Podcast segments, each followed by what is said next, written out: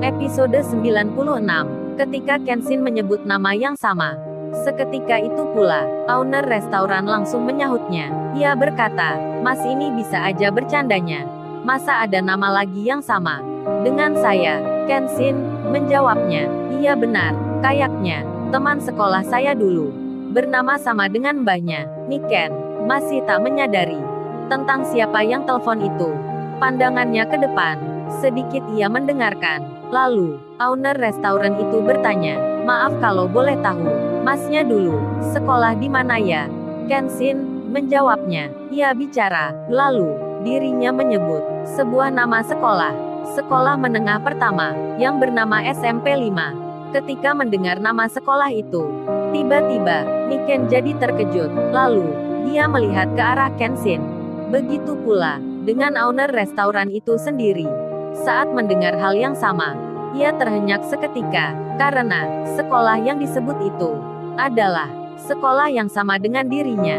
Perasaannya pun makin bertanya-tanya, karena tak ingin menyimpan rasa yang lebih dalam. Rena sang pemilik usaha roti ini, akhirnya memberanikan diri untuk bertanya. Ia berkata, maaf sebelumnya, kalau boleh tahu, saya ini bicara dengan mas siapa ya namanya? Mendapat tanya tersebut, segera saja yang ditanya menjawabnya. Oh kalau nama saya, adalah, Kenshin. Ketika mendengar jawaban itu, tiba-tiba, HP yang ada di tangan sang owner restoran ini, terjatuh. Telepon pun terputus. Kenshin, melihat layar gadget itu, notifikasi tanda percakapannya, telah berakhir. Ia pun, memberikan ke pemiliknya, yang ada di depannya.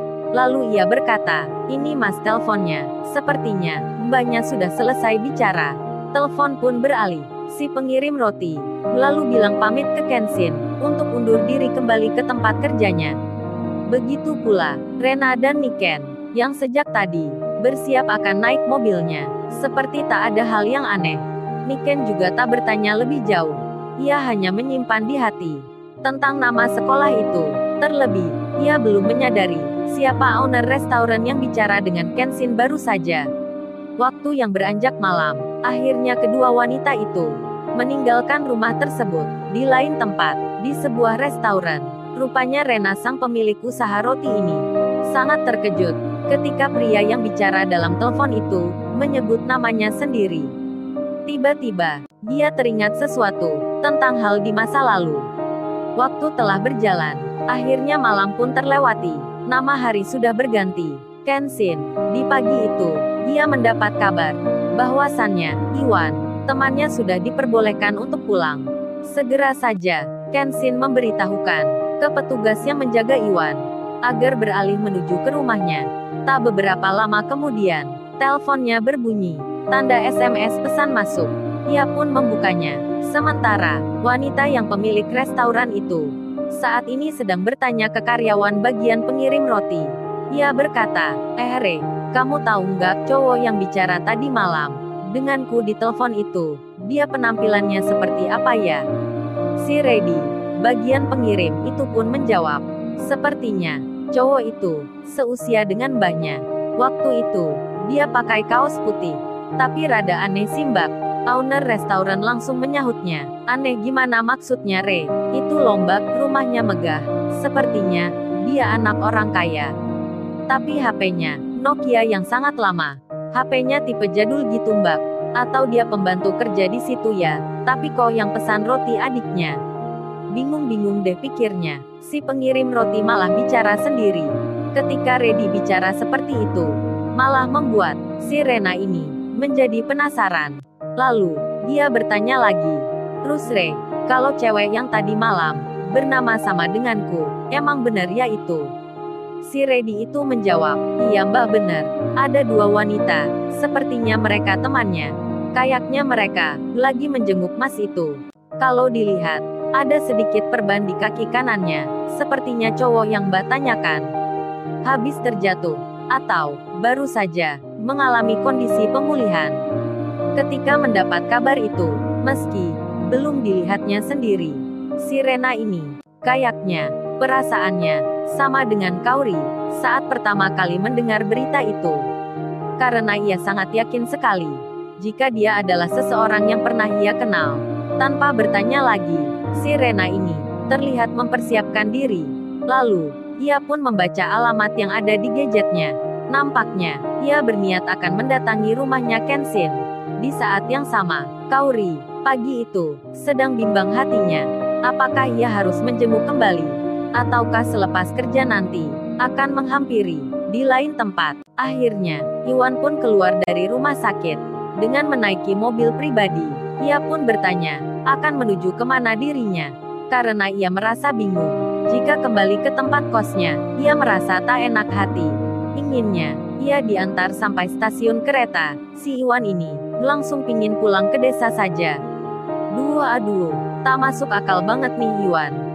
Masa kondisi baru dari rumah sakit, dia mau menempuh perjalanan jauh sendiri. Lalu, dia pun segera diberitahu jika akan menjalani pemulihan di rumahnya Kenshin. Jarum jam sudah berlalu seperempat menit.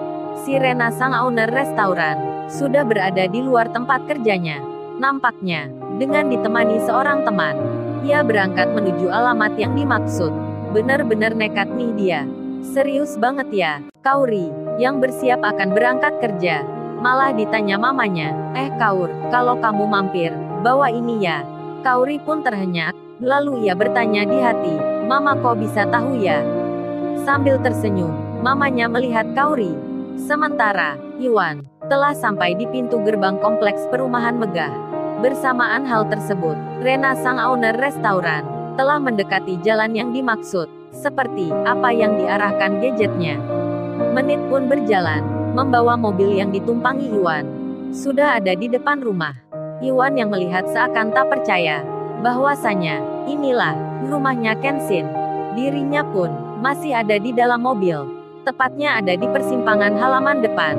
Di saat bersamaan itu, si Rena, sang owner restoran, yang bersama temannya itu datang. Mereka berdua menaiki sebuah motor, lalu berhenti di perempatan jalan.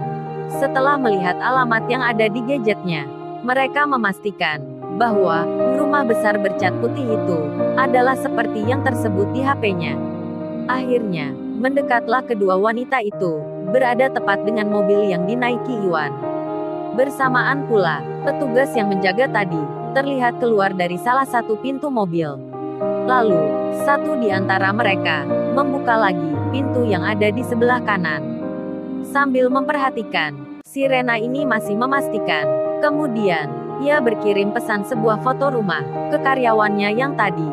Setelah dilihat, si Redi yang ada di kantor bagian pengirim roti itu menjawab, Iya mbak, rumah itu memang benar alamatnya. Tak lama kemudian, keluarlah seorang lelaki dari dalam mobil. Dengan dibantu dua orang penjaga, Iwan, yang kakinya juga dalam kondisi memakai perban. Terlihat keluar, setelah menyaksikan itu, si Rena ini memperhatikan wajah seorang pria yang berdiri, dibantu dua orang. Nampak dari pandangannya, pemuda itu adalah seseorang yang penting, sepertinya dia anak dari pemilik rumah ini. Namun, tiba-tiba, sedikit keraguan mulai tumbuh di benak si Rena ini. Karena, ia merasa itu bukanlah orang yang pernah ia kenal. Hingga akhirnya, ia mengurungkan niatnya, tak melanjutkan tujuannya. Anehnya, tak ada pertanyaan dari kedua orang yang membantu Iwan tadi. Mereka langsung saja masuk ke dalam. Sekitar lima menit kemudian, si Rena owner restoran ini mengajak temannya untuk balik lagi. Teman kerjanya itu bertanya, Lo friends, kenapa kita balik lagi? Tak menemui orangnya, padahal, kita kan baru saja sampai. Si Rena itu pun menjawab, iya maaf sis, soalnya orang yang dimaksud itu, bukan yang sama yang aku cari, kayaknya. Cowok tadi bukanlah temanku, ayo kita balik aja ya say. Saat mereka memutar balik motornya, mengarah ke arah yang sebelumnya, saat itu pula, berjalanlah seorang pemuda dari arah berlawanan. Awalnya, si Rena itu sedikit tak memperhatikan tentang cowok yang memakai kaos putih, bercelanakan jeans biru, yang sedang berjalan menuju arahnya. Namun, karena langkahnya yang pelan dan pelan agak gontai, membuat wanita yang akan naik motor tersebut sedikit meliriknya. Ia bertanya dalam hati, kenapa dia kok jalannya agak aneh gitu ya? karena ingin tahunya yang sekilas dan tiba-tiba, Ia pun memperhatikan, sampai tak terasa, bahwa di antara keduanya, sudah hampir mendekat. Lalu, tak sengaja, mereka saling melihat, saling memandang. Dari tak kesengajaan itu, tiba-tiba, terhentilah, langkah dari keduanya. Temannya yang sudah naik motor itu, sampai memanggil, ayo Ren kita jalan. Namun, ajakan itu tak dijawab. Sambil tersenyum, si Rena ini, berkata, pada cowok yang ada di depannya. Bukannya, kamu ini, Ken, Sin ya,